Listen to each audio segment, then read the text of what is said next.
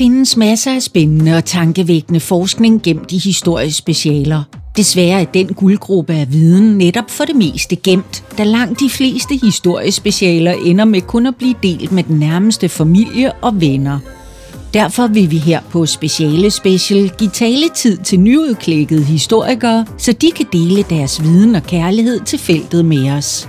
Det er derfor med den største fornøjelse, at vi her på Historieselskabet giver mikrofonen videre til Speciale Special med Louise Hansen. Danmark og Norge deler en lang historie, der knyttede de to riger sammen til et i flere hundrede år. Da unionen ophørte, skulle historikere så til at beskrive forholdet mellem de to lande. Det blev en opgave, der blev gået til på meget forskellig vis. Historiker Louise Hansen har i dag besøg af Ida Louise Åmut Ågård, der har skrevet speciale om, hvordan Danmarks forhold til Norge er blevet undersøgt inden for dansk historieforskning. Hun gik simpelthen på jagt efter den forsvundne norske tid.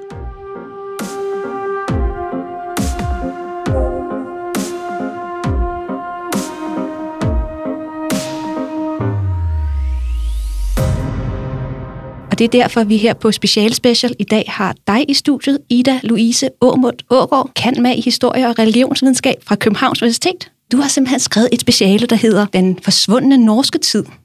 En historisk undersøgelse af den dansk-norske union i perioden 1830 til 1930. Og det afleverede du i januar 2021, og du fik 12. Stort tillykke. Tusind tak. Helt kort, hvad handler dit speciale så om? Ja, det, det i bund grund handler om, er ikke perioden, hvor Norge og Danmark var i en union, men hvad der er blevet skrevet efterfølgende. Altså, jeg er jo opvokset i Norge, så jeg har en stor øh, basis for, hvad der er blevet fortalt om unionstiden i Norge. Og i Norge er det jo et kæmpe, altså det er jo øh, tabula rasa, det er starten på norsk historie, det er alt, hvad Norge øh, skriver om, det er det, vi lærer i universitetet, det er det, vi fejrer 17. maj at, øh, at Norge og Danmark var i union i de her 434 år.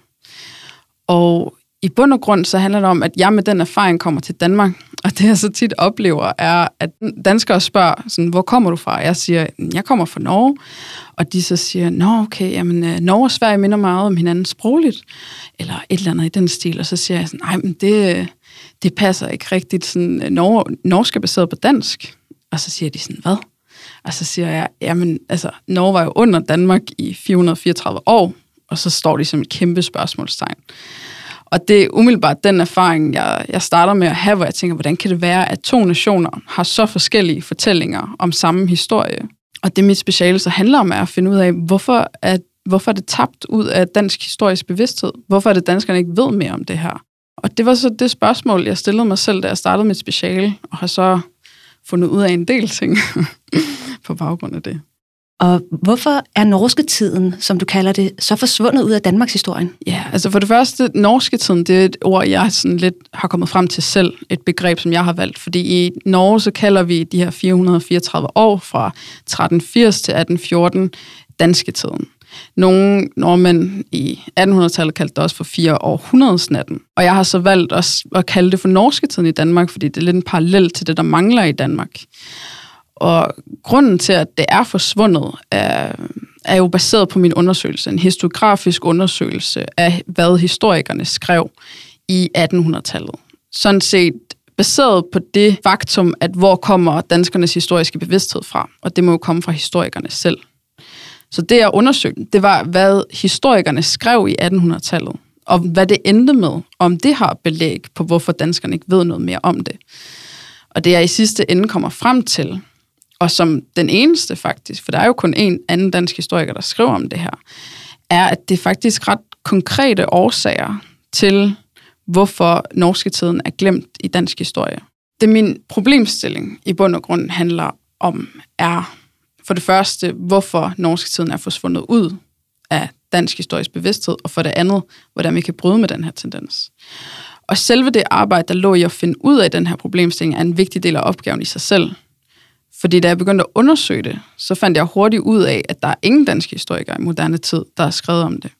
Ole Felbæk skrev i 1980'erne, at Danmark har ingen norske tid, men nordmænd har en danske tid. Og det vil sådan set det er sådan, det er. Så det jeg i bund og grund finder ud af, når jeg kigger på de her historikere fra 1830 til 1930, er, at de, der er mange problemer, der ligger til grund for, hvorfor de skriver det, de gør. Og en vigtig pointe i det her, altså noget, der står meget tydeligt for mig, er, de skriver meget om Slesvig-Holsten, de skriver meget om Skåne, Trankebar er der skrevet masser om, øh, Grønland, Island, men hvor er Norge i det her? Og det blev hurtigt tydeligt for mig, at det, der sker med historikerne i 1800-tallet, det er, at de, det er ikke fordi, de ikke vil skrive om, noget, om Norge, men de ved bare ikke, hvordan. Og det, der er meget specielt i det her tilfælde, er, at jeg tror, alle har sympati med Norge, og de vil gerne se Norges suverænitet i eller uden for unionen. Og at gøre det til en historisk virkelighed var en udfordring for historikerne. Og det jeg så kalder, eller det Hayden Whites teori også øh, for, forekommer, er, at den her narrativ om Norge i Danmarks historie, den er aldrig blevet løst. Man har aldrig kunne tilskrive Norge en rolle i Danmarks historie. Fordi man ved ikke, hvordan. Og det, det så ender med i 1930'erne, det er jo så, at de, som jeg ser det, så ser jeg det som en slags form for dogenskab, at man siger, okay, jamen, vi har ikke løst det her, så vi siger bare, at norske tiden eksisterer ikke i Danmark.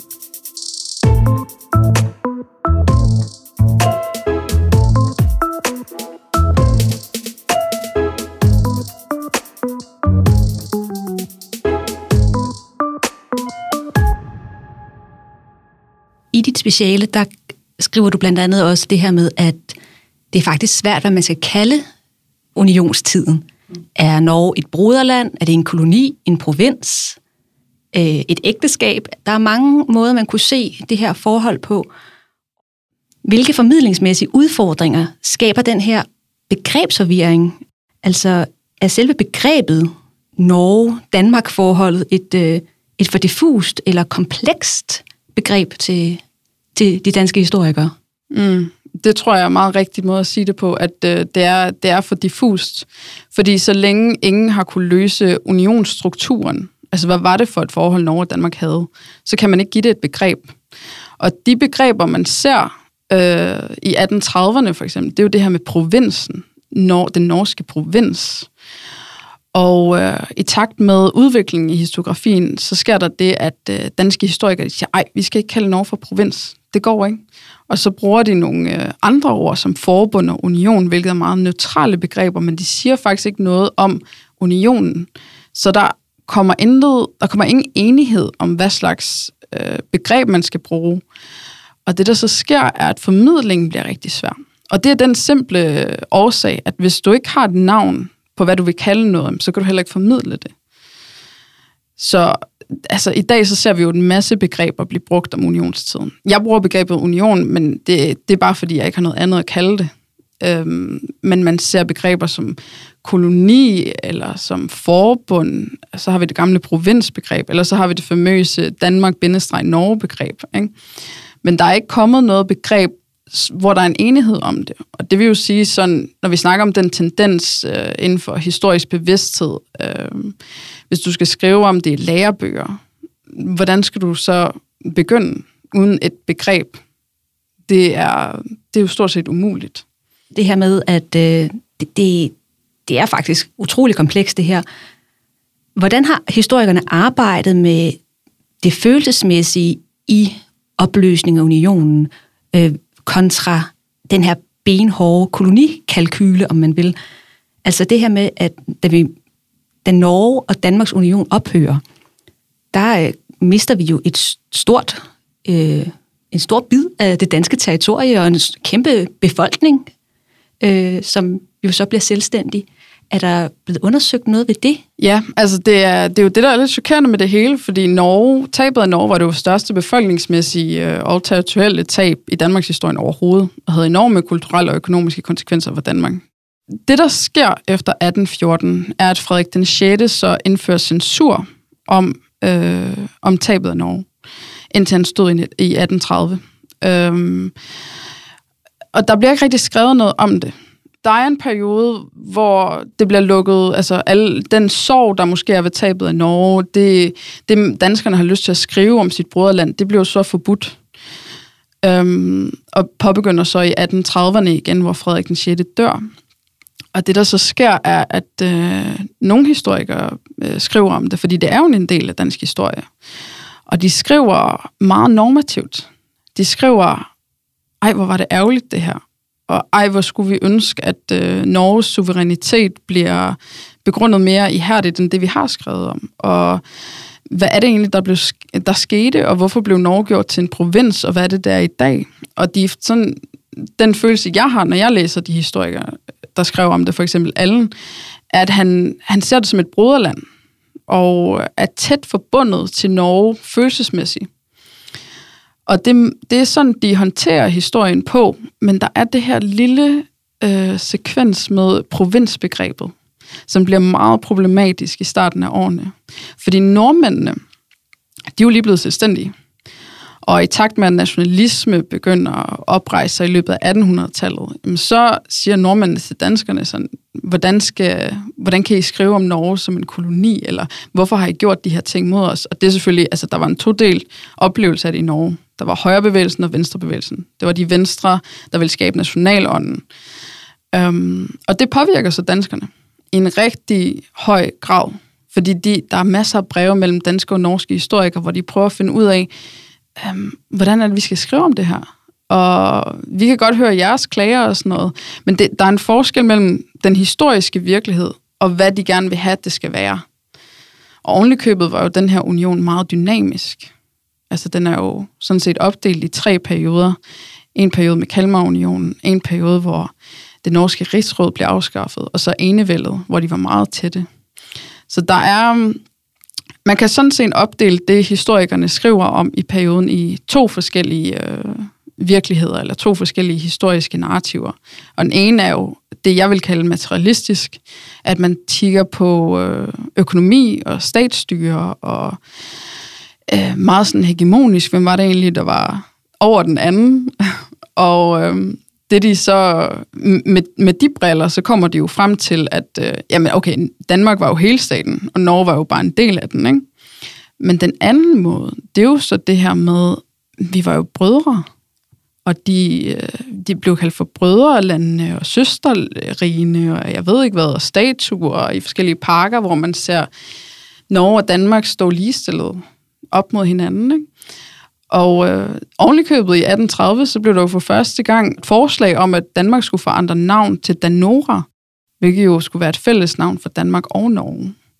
Så historikerne kæmper meget med det her, okay, hvad slags briller skal vi tage på? Og hvad er fair, og hvad er egentlig rigtigt? Og det er meget svært for historikerne, det kan man godt mærke. Kan man sige, at Norge måske har haft sådan lidt, uh, lidt monopol på hele det her uh, unionsnarrativ efter 1814? Ja, det er så det, der begynder at ske, er, at øh, fordi danske og, og norske historikere samarbejder så meget og skriver så meget med hinanden, og vil gerne have et godt forhold, også historisk, så, så begynder nordmændene at, at lægge anklager op mod danskerne. Og det påvirker så danskerne. Og en anden sag er jo også, at efter 1814, så blev Norge jo svensk. Og det nordmændene så kæmpede med, var, hvad er det, vi er i den her union, eller hvad man skal kalde det, med Sverige. Og den debat er stor i Norge. Og det, der så bliver krævet af nordmændene, er en slags øh, historisk kendskærning af, hvad, hvad var det, Danmark gav videre til Sverige. Fordi det er jo det, vi er nu i 1800-tallet. Unionen med Sverige stoppede ikke før 1905. Så nordmændene kæmper ikke kun for altså, øh, realiteten i unionen i samtiden, men også den historiske realiteten. Så der er enormt meget øh, følelse, øh, følelser i det her mellem de danske og norske historikerne, og dan- danskerne bliver meget påvirket af det her.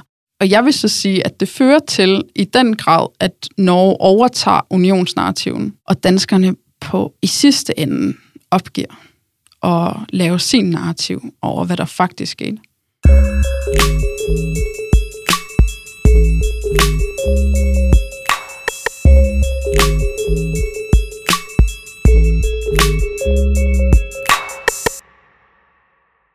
kom du selv ind på det her med øh, Frederik den 6. censur i, øh, i starten af, af perioden, lige efter 1814.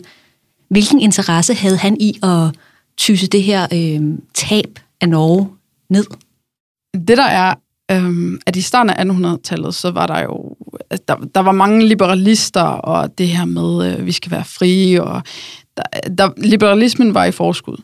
Og Frederik den 6. ville gerne undertrykke det. Og man skal huske, at Eidsvoll-grundloven, den som nordmændene skabte, da de blev skilt med, med Danmark, øh, det var jo den mest liberale grundlov på det her tidspunkt. Og Frederik den 6. ville jo ikke have, at danskerne skulle øh, få noget at vide om et liberal, en liberal grundlov, eller være liberal i sig selv jo. Så han førte censur af den grund, blandt andet, men også af det faktum, at det var pinligt. Altså, det var jo kæmpe tab for Danmark under Napoleonskrigen.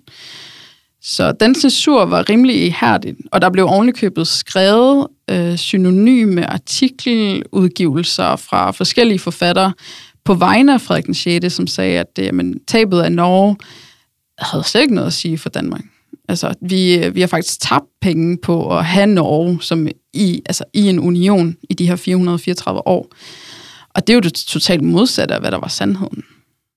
Så man prøvede simpelthen at hvad skal man sige, minimere tabet ved at tale forholdet mellem de to lande lidt ned. Altså egentlig at sige, at Norge faktisk mere var en udgift og en, en form for byrde måske for Danmark, end det havde været en gevinst, fordi nu har vi tabt det. Ja, og det var så ihærdigt, at det var jo ikke lovligt at skrive om det. Så det var ret voldsomt. Ja, nu kommer du så selv ind på, at i dit speciale behandler du flere forskellige faghistorikers forfatterskab, og du går jo simpelthen ind på smukkeste vis lige så stille og piller dem fra hinanden, og virkelig går i detaljen med, hvordan de har behandlet dem. Men snakker jo tit om, at historikerne, de har jo øh, en evne, og vel også en form for ansvar egentlig, når det kommer til at lave historie. Altså vi kan jo som historikere gå ind, tage kilder, plukke ting og sager, og så danne et narrativ selv.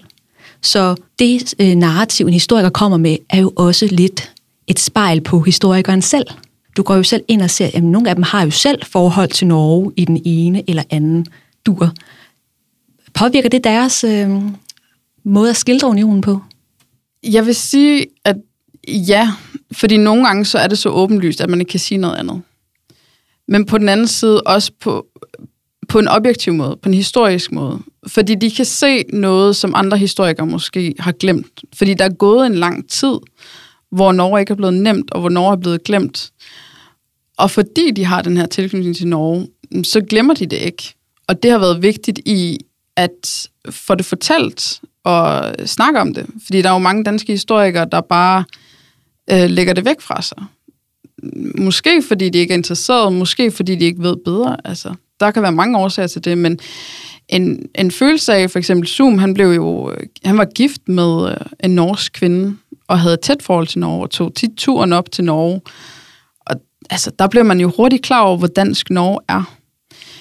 Øhm, og det er jo også det, Norge var jo stadig i mange hensyn rigtig dansk. Altså min øh, oldemor, hun skrev på dansk. Min bedstemor tæller på dansk. Ikke?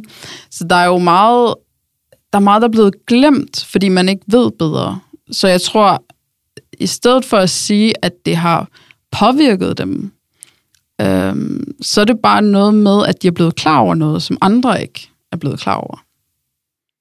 Der er tidligere, og det er der stadigvæk, meget stor fokus på Danmarks forhold til Sverige. Der er lavet tv-serier, der er dokumentar i fjernsynet, der er tykke, tykke bøger på reolerne om forholdet mellem Danmark og Sverige. Kunne man fristes til at tænke, at fordi at Danmark og Sverige har haft et meget turbulent forhold til hinanden i løbet af 1600-tallet, blandt andet med alle de dansk-svenske krige og kong Christian, der står ved højen mast i røg og damp og alt det her, at grunden til, at Norge måske ikke er lige så forsket øh, af faghistorikerne, det er måske også fordi, at det var relativt roligt. Det er også noget, jeg selv har tænkt over. Fordi krig skaber jo historie, og fred gør ikke. Og det kan være en god pointe, det tror jeg. Men der er også det her i, at øh, historikerne skrev meget om Norge i 1800-tallet. Helt op til 1930 skrev de rigtig meget om Norge. Og jeg vil hellere sige, at det, der har gjort, at Norge ikke er blevet en del af historien, er på grund af de konkrete problemer, der har været i at skabe unionsnarrativen. Heller end at sige, at det er på grund af krig, at, at fordi der ikke har været nogen problemer, så er der ikke blevet snakket om det. Jeg tror, det handler om, at det har været for svært. Fordi man kan sagtens sige, i en krig, det, det er jo meget en konkret ting. Det med Norge, det er en meget abstrakt ting, fordi det går meget på følelser. Og det går meget på, at det ikke er nemt at skrive om, fordi hvad var det, unionen overhovedet var? Hvad tror du så, der skal til, før at faghistorikerne i Danmark kan begynde at undersøge unionstiden øh, på lige fod med andre historiske begivenheder i perioden, som for eksempel 1848 og 1864, som jo igen er noget, der fylder meget i, øh, i dansk historie og bliver lavet tv-serier om og tykke bøger. Øhm, sådan helt kort sagt, altså, øhm, hvordan kan vi sikre, at fremtidens historikere bryder den her tendens med at ligesom at glemme eller fravælge øh, Norgestiden. Men I bund og grund så handler det jo om at være opmærksom på, at det er en tendens. Og at mit speciale sådan set viser, hvordan den tendens har udviklet sig, og grundlaget for, hvorfor det er på den måde. Og hvis danske historikere kan blive klar over så tydeligt, at det er en tendens, så tror jeg også, de kan bryde med den. Fordi der er ikke nogen grund til, at man ikke skal skrive om det. Altså, jo, historie er et selektionsarbejde, men det er også, historie er også et krav om, at man skal, vide om, man skal have vide om sin fortid. Og Norge var en stor del af, sin for, af Danmarks fortid, og er stadig på en måde øh, en stor del af dagens kultur og det skandinaviske miljø. Og den pointe tror jeg er vigtig at have med, at hvordan kan det være, at Norge ved så meget om de her år, og Danmark ved stort set ingenting om det. Øh, og det er 434 år, der er blevet tabt ud af de danske historiebøgerne. Det er jo ret vildt, når man tænker over det, uden at nogen rigtig har noget belæg for, hvorfor det er sket. Så i bund og grund, historikerne, altså jeg er ked af at sige det, men de skal tage sig lidt sammen. Ja, nu siger du jo selv, at det er nærmest forsvundet ud af, af Danmarks historien. Jeg har lige siddet og kigget mine Øh, hvad skal man sige, historiske opslagsværker, øh, som jeg brugte, da jeg læste historie, øh, sidder og bladrer dem igennem. Og det er rigtigt. Der står stort set ikke noget. Altså, det er meget, meget lidt, der er beskrevet. Der er lidt om Norges indtræden i Kalmarunionen, og der er en lille smule løbende, men, men som du selv påpeger, så er norske tiden simpelthen glemt i de fleste af de her store opslagsværker. Ja, og det der også er øh, med det, altså Norge i løbet af, 1800-tallet, så, og det er ret sjovt, fordi man kan se en revideret udgave i en lærebog, øh, at det går fra øh, Danmark taber Norge til sætningen Norge løsrives fra Danmark. Og det er jo på den måde, hvor Norge bliver subjektet i fortællingen. Og det, der tit står i historiebøgerne om Norge, det er, hvad der sker med Norge i 1814. Og det, det, er jo, det er jo en sympatisag måske. Det er jo måske et forsøg på at skrive noget om det, øh, som giver mening, også for Norge. Men det siger intet om, hvad det havde betydet for Danmark, og dermed ikke nogen norske tid. Så når Norge bliver subjektet, så forsvinder også objektet i dansk historie. Og det viser jo også på, øhm, på smukkest vis det her med, hvordan begreber er vigtige. Altså, der er jo stor forskel på at tale om, at man taber et, øh, noget territorie, eller det løsrives, eller frigøres, eller hvordan man nu vægter ordene. Det har jo kæmpe betydning for, hvordan hele narrativet omkring noget bliver sat op. Ja, og bare det med, at man kan se, at de har gået ind og revideret netop den sætning. Altså det er så bevidst på en eller anden måde, at det bliver næsten sådan, det er så tydeligt. Altså Norge mister sin øh, forbindelse til Danmarks historie, fordi det bliver Norges historie, ikke dansk historie. Hvad håber du selv, at der kommer ud af din undersøgelse i dit speciale? Jeg håber, jamen der er jo mange, der har sagt, eller tænker, at fordi jeg er halvt norsk, så har jeg et eller andet, øh, jeg skulle have sagt det, det her, eller bliver provokeret over, at Norge ikke eksisterer i dansk historie.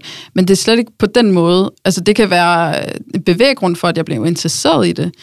Men sådan som jeg ser det nu, så er det mere ud fra øh, det faktuelle. Det med, at jamen, historie fortjener mere, og det burde være bedre, og det burde være til stede.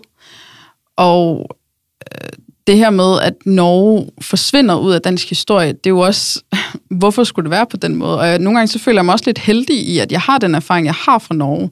Fordi jeg ved ikke, hvor mange dansk-norske historikere, der bor i Danmark. Så det er måske også et specielt tilfælde. Øh, men det står så tydeligt i mit hoved, at det bliver næsten en følelse af, at det er fortjent for, for danskere at vide mere om, om det her, også i forhold til, jamen skal vi ikke vide lidt mere om, hvorfor øh, norsk er baseret på dansk, og hvorfor der er så meget øh, dansk historie i Norge, når vi bor så tæt på hinanden, og er det, er det ikke også vigtigt, og er det ikke også en reel sag i dansk historie at, at vide, at Norge har været dansk? Det er jo, øh, det er jo noget, som jeg tænker, det der er en enorm vigtig ting at vide. Og nu er det jo Norges nationaldag den 17. maj, og det markerer jo den 17. maj i 1814, hvor at den dansk-norske union så bliver bragt til ophør, om man kalder det en lysrivelse eller et tab, eller hvad man så gør. Det er jo så det, vi har siddet og prøvet at finde ud af nu her. Men hvorfor markerer man den dato, altså den 17. maj 1814? Fordi det, der sker, det er jo, at Norge så kommer til at høre ind under Sverige. Hvorfor markerer man ikke øhm, løsrivelsen fra Sverige som, som nationaldagen? Jamen, det er et godt spørgsmål. Jeg har selv undret mig over det nogle gange. Men det er jo lidt symbolsk, det her med historie. Og det, der sker i øh, 1814, er, at vi får jo vores egen kronprins, Christian Frederik. Og Norge får jo også sin egen grundlov, hvilket er den mest liberale grundlov, der var på det tidspunkt. Og ja, altså, i dag så kalder man unionen mellem Sverige og Norge, som varede indtil 1905 for personaleunion. Og Norge fik generelt mere frihed øh, i teorien. Så det er den her idé med, at der blev afsluttet et forløb på 434 år med Danmark. Øhm, og det er symbolsk, fordi det var en form for frihed. Øh, og i Norge bliver der faktisk ikke snakket så meget om unionen med Sverige.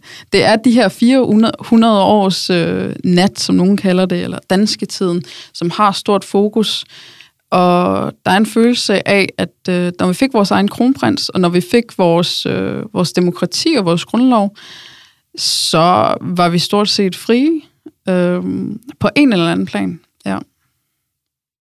Så Ida Louise, hvis man skal, hvad skal man sige, koge en magiterning ud af dit speciale, hvilke hovedpunkter er du så kommet frem til i din undersøgelse her? Jeg har sat det op i fire øh, punkter som historikerne har kæmpet med, og som jeg siger stadig ikke er forløst den dag i dag. Og den første handler om det her med målestokke. Hvad er det, historikerne kigger på, og hvorfor er det ikke blevet løst?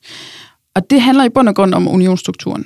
For der er ikke nogen, der ved, hvad unionen sådan set er rent hegemonisk.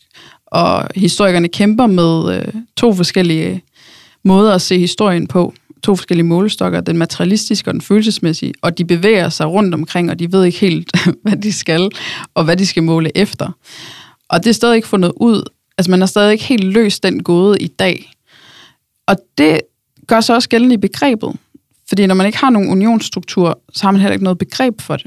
Så der er ikke nogen enighed om unionsstrukturen. Der er heller ikke noget enighed om begrebet. Og så bliver formidlingen umulig. Og det tredje er altså det, vi har snakket om med, at Norge bliver subjekt i fortællingen. Og så går det jo lidt ind på Hayden White, det her med, at hvis Norge tager rollen i dansk historie, så får Danmark ikke nogen mulighed til at placere norske tiden i sin historie. Det er noget, Hayden White kalder plotstruktur. Det her med, hvad, hvad var meningen med det hele, og hvordan skriver vi overhovedet den her narrativ? Og når Norge så bliver norsk og ikke en del af dansk historie, så det er jo umuligt at skrive om det. Så rollen til historikere i dag er jo at få indplaceret Norge og norske tiden i sin historie og gøre det for sine øjne. Fordi alt det, der faktisk er blevet skrevet om Norge fra danske historikere moderne tid, det har været en nordisk narrativ. Så Norge har altid indgået i den her ramme af, når vi, vi gør det selvstændigt, vi gør det i sin egen boks. Vi skriver om en nordisk narrativ. Og det er tit i forbindelse med, øh, med norske historikere, man vil skrive om det. Danmark-Norge-bindet med øh, Ole Fældbæk, er jo at få indplaceret Norge og norske tiden i sin historie, og gøre det for sine øjne. Fordi alt det, der faktisk er blevet skrevet om Norge fra danske historikere moderne tid, det har været en nordisk narrativ. Så Norge har altid indgået i den her ramme af, når vi, vi gør det selvstændigt, vi gør det i sin egen boks. Vi skriver om en nordisk narrativ. Og det er tit i forbindelse med, øh, med norske historikere, man vil skrive om det. Danmark-Norge-bindet med øh, Ole Fældbæk og Esben Albrechtsen og det famøse bind. Det blev jo også skrevet som en nordisk narrativ. Men problemet, som jeg ser det, er, at Norge får så ikke sin rolle i dansk historie. Nej, det bliver ligesom en del af noget større, lige meget hvordan vi som historikere prøver at vende og dreje det i det tidligere øh, forskningsfelt. Ja, en ting er blandt faghistorikere, at man ikke skriver om det, men det kan man gøre i en nordisk narrativ. Men du kan jo ikke have en skolebog, hvor man lige pludselig stopper op og siger, hov, vi laver lige et kapitel om en nordisk narrativ, hvor Norge så bliver indplaceret i det. Det handler jo mere om at skabe en forståelse for, hvad har norske tiden at sige for dansk historie.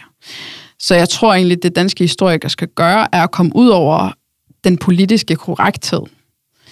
Fordi den fjerner egentlig Norge fra dansk historie. Så det er lidt et paradoks, fordi danske historikere, som jeg sagde, de har prøvet at gøre det bedste for Norge, fordi man har en stor sympati for Norge og hvad der er sket. Øh, men de har bare gjort det på en forkert måde. De vil gerne, men de ved ikke, hvordan. Og sådan som jeg ser det, så skal Norge have en rolle i dansk historie fra, danske pers- fra det danske perspektiv, fra danske historikers øjne. Hvad var det, Norge havde at sige for Danmark? Og bare det med at skrive i en lærebog, jamen, da vi tabte Norge, det var en kæmpe sorg og det var en, havde en store økonomiske og kulturelle øh, betydning øh, og konsekvenser for, for Danmark og dansk historie. Det er så simpelt. Øh, altså, ikke at simplificere det, men når man tænker over det logisk, så burde det jo være lidt mere på den måde. Ja, så burde det jo egentlig ikke være anderledes end at skrive om et hvilket som helst andet historisk emne, man kan beskæftige sig med, hvis man er interesseret i øh, dansk historie. Ja, og det er det, der i princippet er målet, at behandle Norge på, øh, som, på en hver måde, man vil behandle alt andet historie på. Gør det objektivt. Det er også det, historiefaget øh, kræver, er at se historien, som den faktisk var.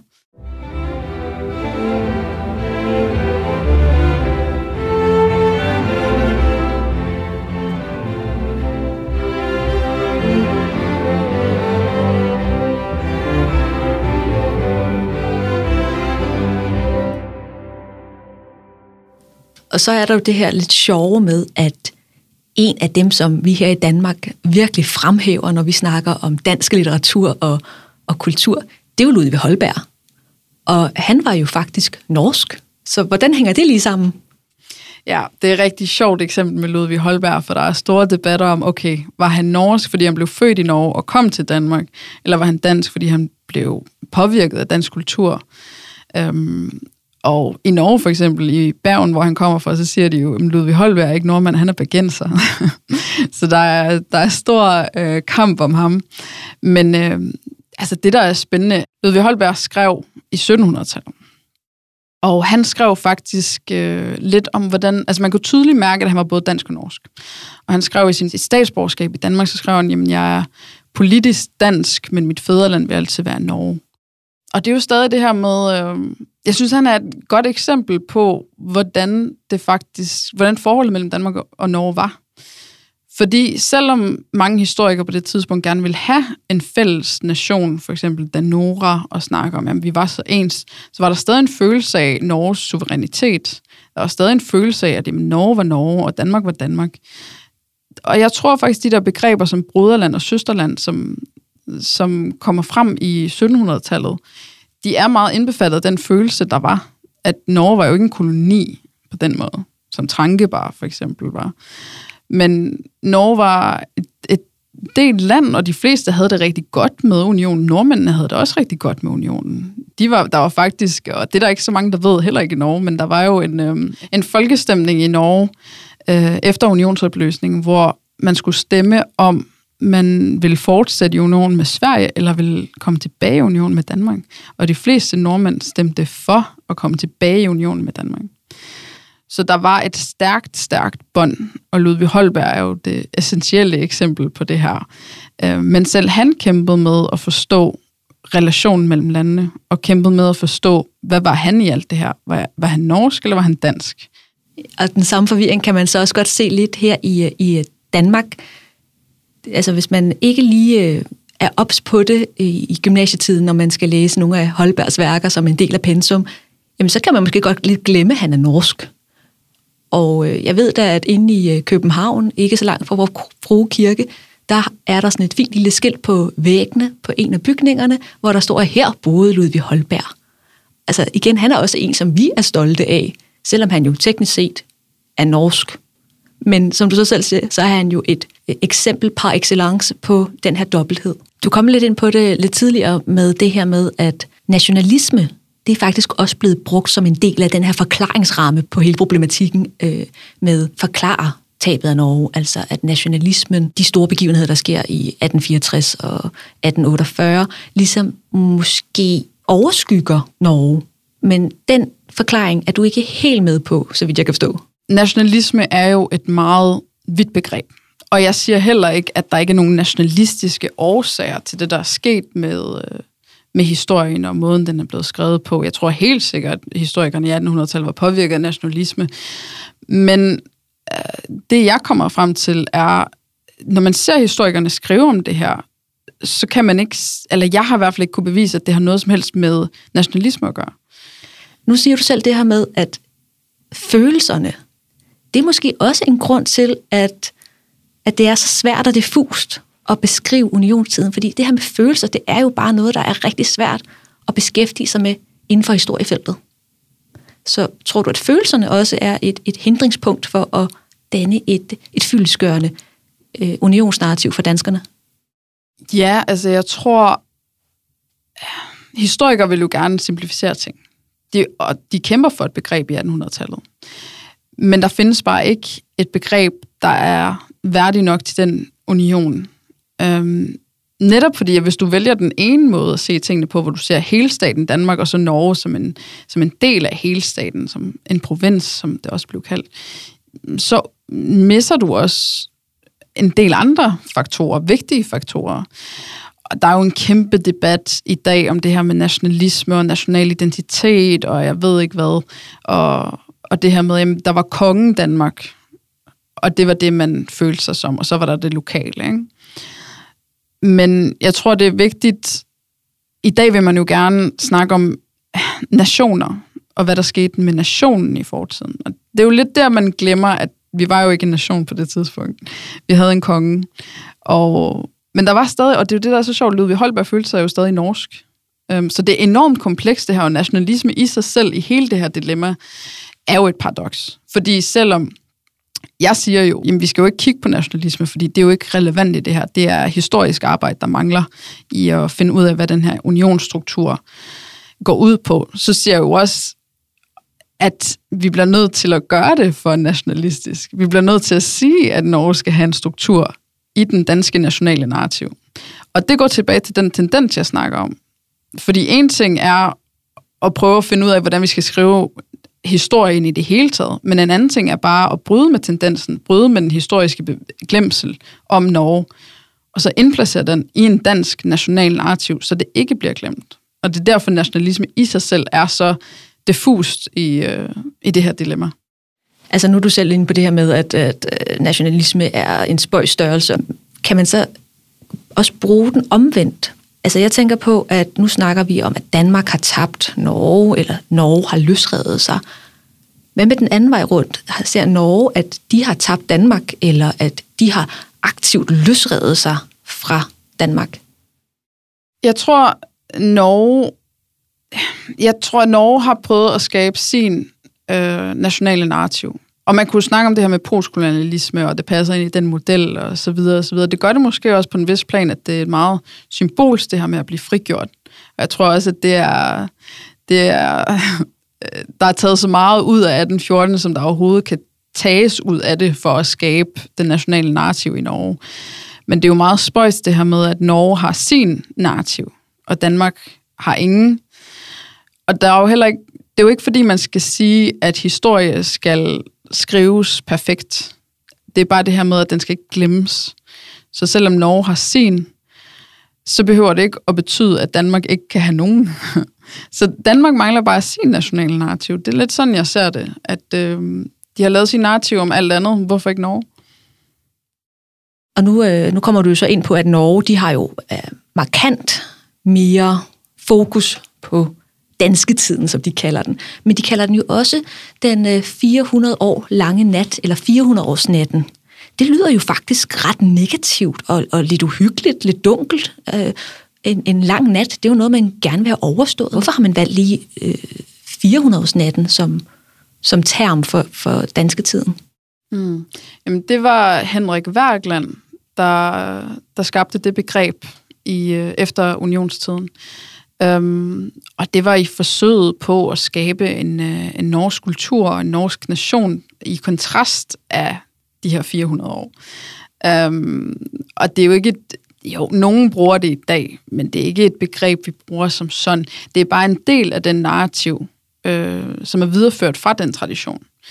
At der er de her 434 år, som ikke hører ind under det, vi i dag ser som, som den norske nation. Det var en, en, en periode, hvor vi ligesom bremsede op i 434 år, og så kom vi tilbage. Så Ida Louise, hvis du skal sådan helt kort konkludere på dit speciale, hvad, hvad er så konklusionen? Jeg vil sige, at konklusionen i bund og grund er, at historikerne i min periode fra 1830 til 1930 prøvede at gøre unionstiden til en del af dansk historie, men at der på baggrund af de problematikker, jeg har fundet, ikke lå sig gøre. De dilemmaer drejer sig om konkrete problemer angående, hvad den unionelle historiske kendskærning var, og med hvilke midler vi kan måle den kendskærning, og til sidst, hvordan vi kan formidle den. Ida Louise, nu har du øh, fået fortalt om dit speciale og de øh, interessante ting, som du har fundet frem til i, øh, i din forskning. Og øh, nu vil vi jo så håbe på, at der sidder nogle faghistorikere derude, som har lyst til at, at tage bolden videre, og så få behandlet danske tiden, norske tiden, unionstiden, hvad man nu skulle kalde det, og få den gjort til en større del af den historiske bevidsthed i Danmark. Jeg synes, vi skal slutte af med en lille bid af den norske nationalmelodi. Tusind tak, fordi du kom, Ida Louise. Åmut Ågård, kan med historie og religionsvidenskab for Københavns Universitet, og ophavsmanden til specialet Den forsvundne norske tid. Ja, tusind tak for, at jeg måtte være her. Så slutter jeg lige af med at sige øh, uh, godt med dagen, Norge. Thank you.